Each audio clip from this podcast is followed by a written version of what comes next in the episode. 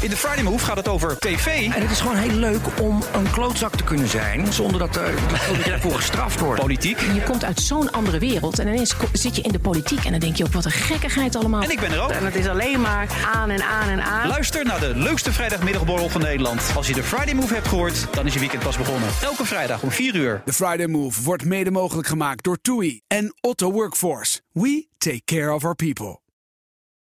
De BNR Techniek Tour wordt mede mogelijk gemaakt door Techniek Nederland. De makers van morgen. BNR Nieuwsradio. De BNR Techniek Tour. Thomas Schuurman. Fijn dat u weer terug bent. Tijdens de zomerstop mocht u luisteren naar onze favoriete uitzendingen van de eerste seizoenshelft. De nieuwe reeks trappen we af met het meest voorkomende element in het universum. Waar dus geen mensenhanden aan te pas komen. Ik eh, wist ook tot voor kort eigenlijk weinig van. Laatste maanden in verdiept. Door velen al jaren gezien als de magische redder van de energietransitie. Ja, wij eh, zijn er echt van overtuigd dat dit het moment is. Dat gaat hand in hand met opwek van duurzame energie. Het is hoog ontvlambaar, reukloos, smaakloos, maar niet giftig. Ik ben een ongelooflijk voorstander van waterstof. Op de goede manier. Juist ja, waterstof dus. De redder wellicht van die o zo vervuilende industrieën en vervoerssector.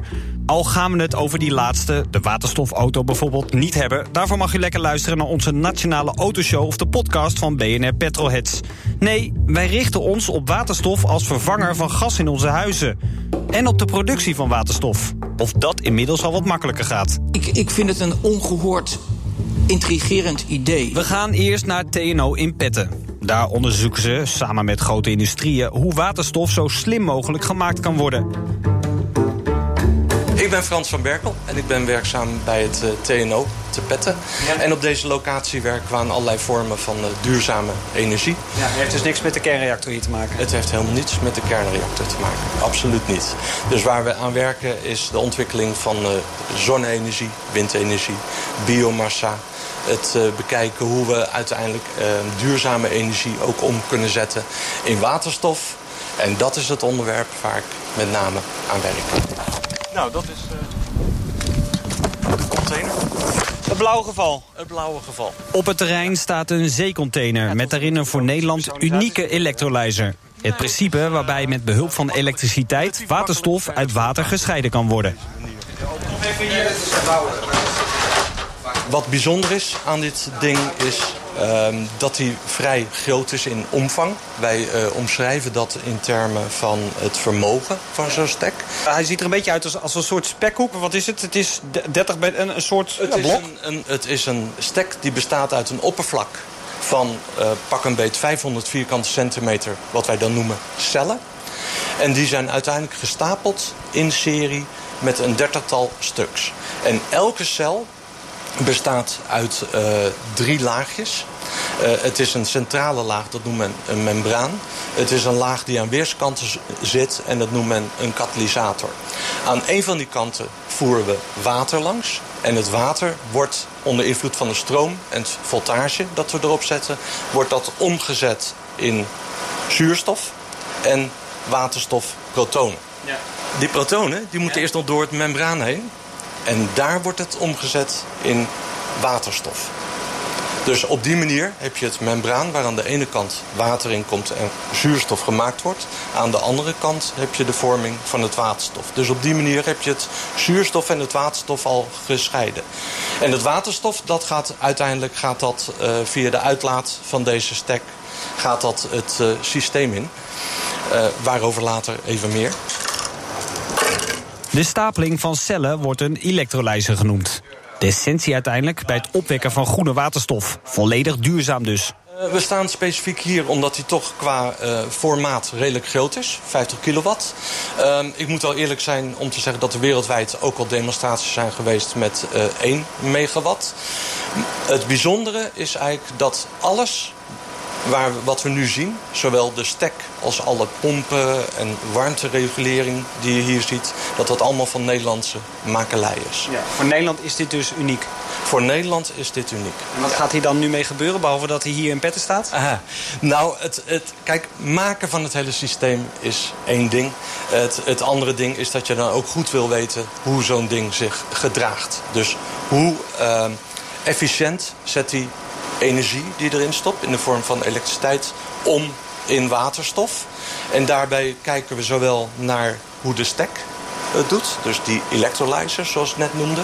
Maar ook het hele systeem aan pompen eromheen. En hoeveel energie verliezen we nou in elke component. En dat proberen we in kaart te brengen. Um, daarnaast gaat het ook om levensduur. Dus we gaan hem gedurende een periode van een duizend uur uh, flink op zijn donder geven. En uh, kijken hoe die zich uh, gedraagt. En daaruit kunnen we van alles leren. Waaruit we uiteindelijk weer uh, de zaak verder kunnen optimaliseren. Er. Ja. Oké, okay, we zijn uh, nu vanaf de container zijn we naar de ingang van uh, ons lab gelopen. En dat gebouw, dat hebben we genoemd Jules Verne. Ja. En dat heeft te maken met het feit dat Jules Verne al heeft voorspeld... dat water een hele grote belangrijke rol gaat spelen in onze energievoorziening. Omdat water gesplitst kan worden in waterstof en zuurstof.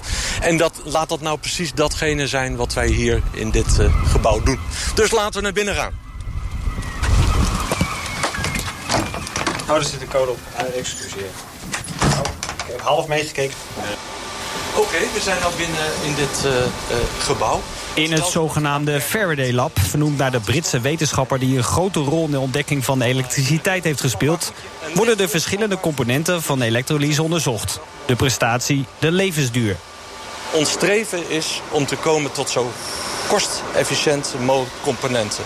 Dus wat er nu in de hedendaagse stack zit, dat presteert uitstekend en doet het ook erg goed.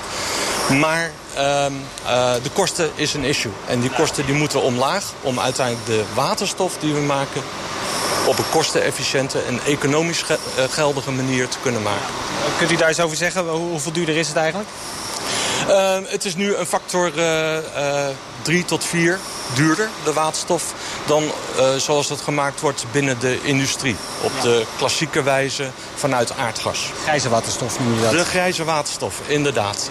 Ja. En wij streven hier naar het produceren van groene waterstof. Dat wil dus zeggen dat we de waterstof halen uit het splitsen van water... met behulp van elektrolyse op basis van uh, hernieuwbare elektriciteit. Wat je hier ziet op dit mo moment zijn een drietal testopstellingen. Ja, ik zie drie kasten. Dus het zijn drie kasten, anderhalve meter hoog, een meter breed.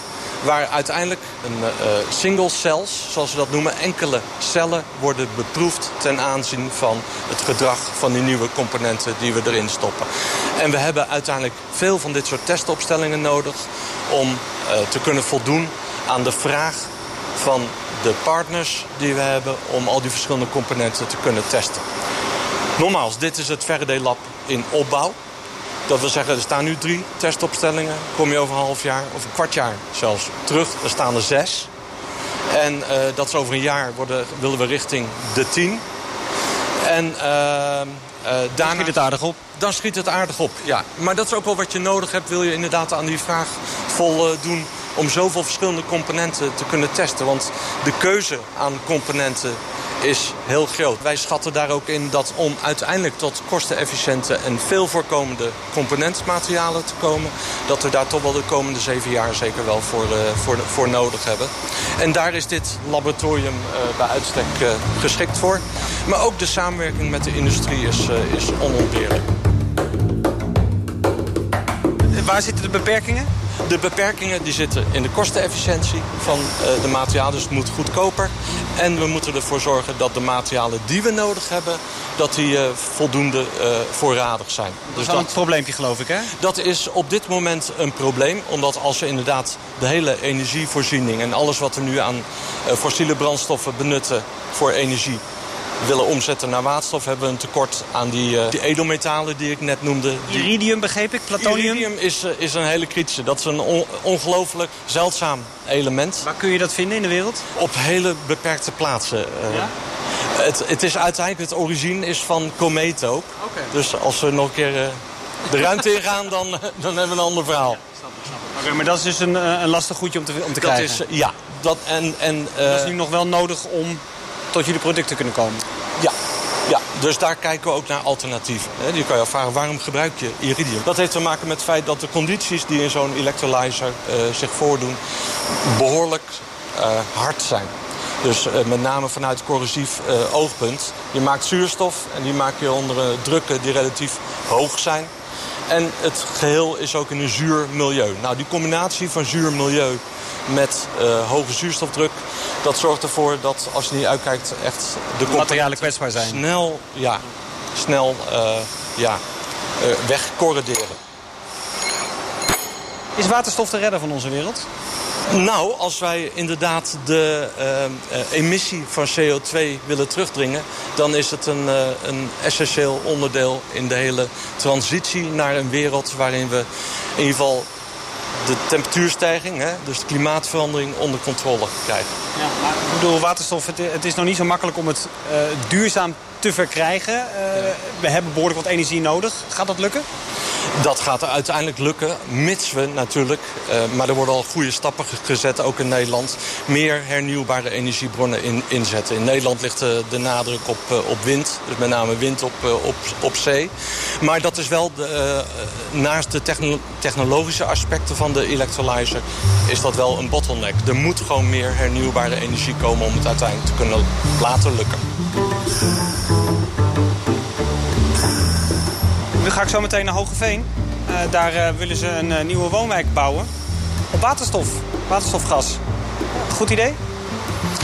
Ja, om dat te bekijken wat er mogelijk is in de bebouwde omgeving... denk dat het een, een goed idee is. Ehm, persoonlijk en vanuit de TNO-visie denk ik dat het nog zelfs meer zin heeft... om waterstof ehm, echt op te gaan tuigen. Wat doet u ermee? Nou, om dit soort electrolyzers en het gebruik van waterstof wat daaruit volgt. Om dat te beproeven in een industriële omgeving. Want waar het het meest tot zijn recht komt. Waar het het meeste tot zijn recht komt. Waarom dan niet in een woonwijk? Minder? Omdat er nog andere alternatieven zijn in een woonwijk. Een warmtenet, uh, warmtepompen, dan krijgen we dat verhaal die energetisch uh, gunstiger uitpakken dan gebruik van waterstof. Waterstof is een hoog energetisch uh, materiaal. Er zit veel energieinhoud in. En eigenlijk uh, wordt dat normaal gebruikt in de industrie om tot 1000 graden zaken op te kunnen warmen. Dus ons en als woonkamertje warmen tot 20 graden hebben we een, een andere situatie. Dank Frans van Berkel van TNO in Petten. We moeten van het gas af, maar krijgen misschien wel gas voor terug. Waterstofgas dus. In Hogeveen hebben ze de primeur. BNR Nieuwsradio. De BNR Techniek Tour. Welkom terug. Uiteindelijk moeten we allemaal thuis van het gas af. Wat we ervoor terugkrijgen is nog niet helemaal duidelijk. Warmtepompen, warmtenetten of waterstof. In Hogeveen komt de primeur. De eerste woonwijk op waterstof. Ja, ik ben Bastien Meijer. Ik werk voor Entra. Dat is onderdeel van netwerkbedrijf Rendo. En binnen dit project ben ik tevens projectleider voor het gedeelte technologie. Ja, want jullie gaan ja, hier iets nieuws doen in, in Hogeveen. Ik zie een mooie plakkaat, als maar zeggen, plattegrond van, uh, van Hogeveen, het zuiden, zuidwestkant ervan. Er komt een nieuwe wijk, Nijstad Oost. Wat gaat er precies gebeuren? Uh, Nijstad Oost is een nieuwbouwlocatie waar tussen de 80 en 100 uh, nieuwbouwwoningen worden, worden gebouwd. En het idee is dus om daar voor het eerst in Nederland daar waterstof toe te passen voor de verwarming van gebouwen. Nou, het idee, het gaat gebeuren. Ja, van ons betreft gaat het zeker, zeker gebeuren. Dat is dus nieuw. Dat is nog niet eerder uh, op deze schaal toegepast. Hoe krijg je zoiets voor elkaar? Ja, dat is, een, dat is een lang traject. Als we kijken naar de technologie die we toepassen... merken we dat dat wel uh, ja, vervuldig wordt toegepast in andere sectoren. Het nieuwe hier is natuurlijk dat we toepassen in de gebouwde omgeving. En dat is wel een heel nieuw fenomeen. En daar heb je ook met vele andere actoren te maken. Je hebt, uh, je hebt met mensen te maken, je hebt met gebouwen te maken. Uh, je hebt met een nieuwe locatie te maken. Dus ja, hoe ga je dat nou allemaal organiseren? Betekent het ook dat ja, de hele energievoorziening in een huis compleet anders eruit komt te zien? Nee, ik denk dat dat de kracht is van wat wij willen doen... is dat er juist zoveel mogelijk van bestaande uh, materialen gebruik maken. Uh, ook in dit project uh, maken gebruik van de bestaande gasinfrastructuur. We willen ook bij de mensen thuis eigenlijk zo min mogelijk aanpassen... en, en zoveel mogelijk gebruik maken van de componenten die nu ook al in het huis zitten. Ja, want het watergas gaat dus gewoon door de gasleiding. Ja, door de bestaande gas, uh, gasinfrastructuur. En ook bij de mensen thuis door de bestaande binnenleidingen. Dat is het idee. Uh, het enige wat we wel bij de mensen thuis moeten aanpassen... is de, de, de cv-ketel. Uh, die zullen we wel degelijk moeten vervangen voor een andere variant. Maar die blijft wel? Hij blijft wel. Ja, maar denken dat hij het huis uit gaat? Ja, ja, ja wij zijn, hij gaat zeker... en ook qua uiterlijk gaat hij niet veranderen. Dus de, een vertrouwd gezicht blijft. Is waterstof alleen al wel een volwaardig alternatief voor warmtepompen of warmtenetten? Kijk, zoals we nu tegenaan kijken... zullen de meeste mensen dit gaan vergelijken met de huidige situatie die ze hebben met aardgas. Echter, wij, wij willen deze toepassing van waterstof meer vergelijken met toekomstige alternatieven als warmtenet en all electric. Uiteindelijk willen we allemaal van het aardgas af. En de vraag is alleen hoe gaan we dat doen en wat zijn nou de beste alternatieven daarvoor. Nou, wat wij met dit project willen laten zien is dat dit gewoon een veelbelovende technologie is. En dat je het wel degelijk kunt toepassen in de verwarming van de gebouwde omgeving. Wat heel mooi is, is dat we nu, uh, nu ook die waterstof CV-ketel, die is nu al uh, uh, in prototype beschikbaar. En die willen we ook hier gaan toepassen. Nou ja, andere componenten die erin zitten zijn de gasinfrastructuur. Nou, die ligt er al. Het, ja, ik zie hier een locatie van de NAM, hè? Ja. Veel besproken natuurlijk in het noorden, maar die staat er al. Om de hoek van de Nieuwe Wijk. Ja, die staat er al. En dat is voor ons wel heel prettig. Um, en dat komt namelijk omdat we in eerste instantie het waterstofgas, uh, het groene waterstof, willen aanvoeren vanuit, uh, vanuit Groningen. Ja, belangrijk, hè? Groen. Groen. Ja. groen. Ja, de, Grijs en blauw, maar het gaat echt om groen. Ja. duurzaam geproduceerd. Ja, duurzaam geproduceerd. Dat is voor ons wel een heel belangrijk uh, vertrekpunt geweest van, van dit project. Dat willen we via een vrachtwagen willen we dat aanvoeren. Nou, het mooie is dan zo'n NAM-locatie is dat je dat, dat op dat een ideale locatie is om dat daar te lossen. We willen het daar ook gaan, gaan, gaan opslaan. En uiteindelijk zal die trailer ook, uh, of die truck zal vervangen worden door een plaatselijke, ja, zoals wij dat noemen, een electrolyzer. Dus we willen plaatselijk ook de, de duurzame elektriciteit die is uh, opgewekt, willen we omzetten naar waterstof. En die gebruiken in de woonwijk. Ja, maar zover is het nu nog niet dat je je eigen electrolyzer hebt. Nee, helaas nog niet. Ook die moeten nog verder worden ontwikkeld. Het gaat razendsnel. Maar voor nu, om dit snel haalbaar te, ma te, te maken, hebben we nog zeker die, die truc nodig. Hogeveen en alle partners die hierbij betrokken zijn, lopen hiermee uh, enorm voorop. Er zijn nog niet zoveel concrete plannen in de wereld die zo ver uh, voor het stadium kennen als het uh, waterstofwijk Nijstad Oost hier in Hoogveen. En daar zijn we best wel trots op. Hoeveel duurder is het op het moment dan gewoon aardgas wat we nu gebruiken? Ja, nu is het vele malen duurder. Ja, en het komt vooral omdat je het waterstof moet maken. Ja, dat, dat is gewoon nog... Nu is dat uh, relatief duur om dat, uh, om dat te maken. Uh, en dat, dat is vele factoren meer dan het aardgas. En wij, wij willen het ook niet vergelijken met aardgas. Uh, want dat is, dat is geen eerlijke vergelijking. We willen het vergelijken met toekomstige alternatieven als warmtenet en all electric. Uh, maar daarom is nog wel subsidie nodig om de prijs concurrerend te maken. Niks ten nadele van Hogeveen natuurlijk. Maar waarom hier in Hogeveen? Ja, unieke locatie. Nee, wat dat betreft, kijk, Nijstad Oost is een nieuwbouwlocatie. En, en dat is voor ons een ideale plek. Mooi gelegen naast bestaande, uh, bestaande wijken.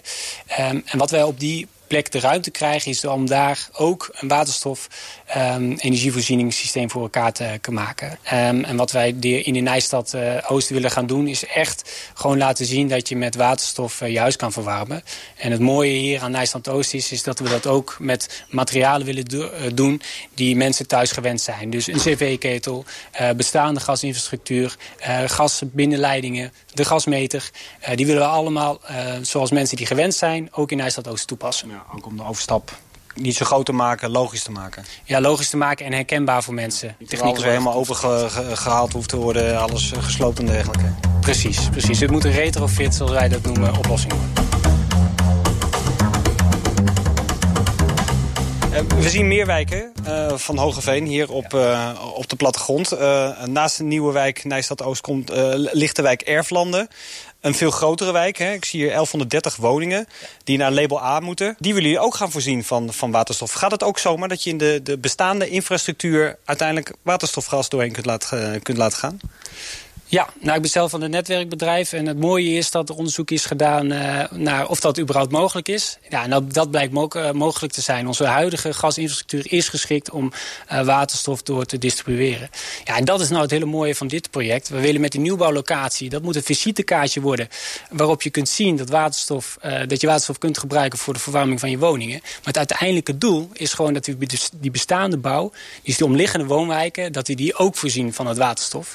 En dat we daar door middel van een aantal ingrepen bij de mensen thuis, maar ook in de straat, uh, dat we daar hun ook kunnen voorzien van het waterstof. Ik ben net ook bij TNO geweest hè, en daar heb ik de vraag ook gesteld van ja, zijn jullie niet heel blij dat uh, waterstof ook in de bebouwde omgeving toegepast uh, gaat worden. En ze zeiden eigenlijk van ja, prima, leuk.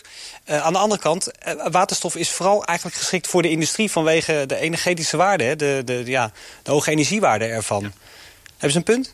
Is niet meer geschikt voor de grote industrieën? Nou, ik denk dat het overal uh, uh, geschikt is. Als je kijkt naar, kijk, als je een, uh, als je een, een waterstof verbrandt in een gebouwde omgeving of, of in de industrie, je bespaart er net zoveel CO2 mee. Kijk, het belangrijkste is dat wij die energietransitie vorm geven. En dat we zoveel mogelijk aardgas weten uit te bannen. Um, nou, en wat wij nu zien, de onderzoeken die wij hebben gedaan, is er genoeg waterstof te maken, maar ook misschien wel te importeren, zodat ook een gedeelte van de gebouwde omgeving overgaat. Maar zeker ook een groot gedeelte van de industrie gebruik kan maken van het waterstof. Ja. Dus het is een verhaal van en-en en niet of-of wat ons betreft. Ja, want gaat er op deze manier niet veel energie verloren? Nou, het enige waar energie verloren gaat is het, het, ja, het omzetten van elektriciteit naar, naar waterstof. Uh, maar ook als je dat vergelijkt met die warmtenetten en all electric... Uh, dan zie je dat die, die rendementen en ook die verliezen... Ja, dat je dat prima kunt, kunt verantwoorden. En een belangrijk argument is gewoon dat, je, uh, dat we nu veel energie opwekken in de zomer... maar dat we veel energie nodig hebben in de winter. Nou ja, de enige manier waarop je dat echt kostenefficiënt uh, zeg maar kunt, uh, kunt bufferen... zodat je een betrouwbaar energiesysteem overhoudt, dat is met waterstof. Kijk, en hoe je dat precies toepast... Ja, dat moet de toekomst uitblijken. Maar doordat wij, dit project uh, doen, ja, weten we of het wel of niet kan. En dat vind ik echt een kracht van dit project. Ja, wanneer zijn die huizen eigenlijk klaar met waterstof? Dat, uh, dat moet uh, eind uh, volgend jaar, dus we zitten in 2020, na de zomer... is de bedoeling dat de eerste woningen in Nijstad-Oost worden gebouwd. Ja, loopt het storm? Dat zou je aan de gemeente moeten vragen. Naast ons staat ook Kees Boer. U bent projectleider, als ik het goed heb. Uh, we zien hier op uh, de plattegrond ook ja, het huisje waar de eerste informatieavond al ja. is geweest. het, was, het liep storm, begreep ik. Zijn de mensen razend enthousiast hier in Hogeveen? Of is er vooral veel sceptisch? Ja, je kan zeggen dat, dat er verbazingwekkend positieve reacties zijn gekomen. positief kritische reacties ook. maar ja, de, je is duidelijk dat mensen bereid zijn om wat te doen voor de duurzaamheid. U hoeft de mensen dus niet te overtuigen? Nou, uh, mensen zijn overtuigd dat er wat moet gebeuren... maar ze hebben natuurlijk wel vragen wat het voor hunzelf betekent. Ja, uh, de portemonnee. Ja, kan ja. ik het betalen? Kan ik mijn sierhaard uh, wel houden? wanneer gebeurt dat? Ik wil mijn ketel vervangen. Hoe snel gaat het? kunnen jullie zomaar in mijn huis komen? Kunnen jullie het afdwingen? Allemaal dat soort vragen. Nou, het is natuurlijk een heel nobel streven. Hartstikke goed voor het milieu. We willen het misschien ja. allemaal. Maar wat, wat voor antwoorden geeft u aan die mensen? Nou ja... de eer... zekerheid kunt u ze bieden? de eerlijke antwoorden. En dat, dat we nu geen zekerheid hebben. Dat we niks kunnen afdwingen. Uh, en dat we samen met bewoners ook gaan kijken hoe je dat zou kunnen doen. En dan ook een hoop mensen die zeggen, wacht nou even een paar jaar, dan weten we toch veel meer. Nou, waarom ja, nu al? Ja, waarom nu al? Ja, waarom zou je nu beginnen? Ja, dat is nu pas? Ja. Nou, die geluiden heb ik niet zoveel gehoord. Maar ja, het is natuurlijk wel een, een, een terechte vraag. En uh, nou, dit is natuurlijk het probleem wat je hebt met innovaties. Ja. Uh, als je begint ben je altijd te vroeg. Maar uh, als je niet begint, dan ben je altijd te laat. Dus, ja. je, dus je zult wat moeten doen. Eén dingetje nog over dat waterstof. Het is nogal een licht ontvlambaar goedje natuurlijk. Even Erwin wegdrukken niet blij mee zijn. De wethouder. De, de, wethouder moet even wachten, want we gaan, uh, gewoon, we gaan gewoon door. Uh, over dat waterstof gesproken, het is wel een licht onvlambaar goedje. Zijn de mensen daar niet bang voor? In, uh, ja, gek genoeg krijgen, hebben we dat in die wonersavond weinig over te horen gekregen. U had het wel meer verwacht? Ja, we hebben daar ook gewoon een apart bord aan gewijd. Ja. Uh, maar we hebben eigenlijk een hele simpele filosofie. En dat is dat uh, toepassen van uh, waterstofgas moet net zo veilig zijn als aardgas. En anders doen we het niet. Ja. Dus daar krijg je eigenlijk... Die garantie kunt u bieden? Uh, nou, die, moeten we, die gaan we bieden, ja. ja. ja. En uh, dus dat is wel uh, iets, iets waar je tegenaan loopt. Want er worden heel vaak voorbeelden gegeven waar het mis is gegaan. Mm. Maar goed, het kan veilig worden toegepast. En we doen het ook alleen maar als het veilig kan. Dank Kees Boer, projectleider van de eerste waterstofwijk in Nederland. In Hogeveen dus. En ook dank Bastia Meijer, verantwoordelijk voor de energietransitie. Terugluisteren kan via de app of de andere bekende kanalen. Volgende week gaan we het over onze favoriete kletspraat hebben. Het weer. Want of het nou met tante Dini of ome Cor is... of met die leuke collega bij de koffieautomaat... het weer is het gespreksonderwerp. En boven kunnen we steeds nauwkeuriger bepalen wat er beneden gebeurt. De BNR Techniek Tour wordt mede mogelijk gemaakt door Techniek Nederland. De makers van morgen. Transportreus van Stralen de Vries rijdt al 16 jaar met elektrische trucks. Daarmee mag het gerust een voorloper genoemd worden. Maar Erwin Keizer, projectmanager duurzaamheid, kijkt verder dan dat. Hij werkt aan lokale energiecoöperaties, transporthubs en samenwerkingen... die zorgen voor zo min mogelijk leegrijdkilometers. Je leest zijn verhaal op partner.fd.nl bp.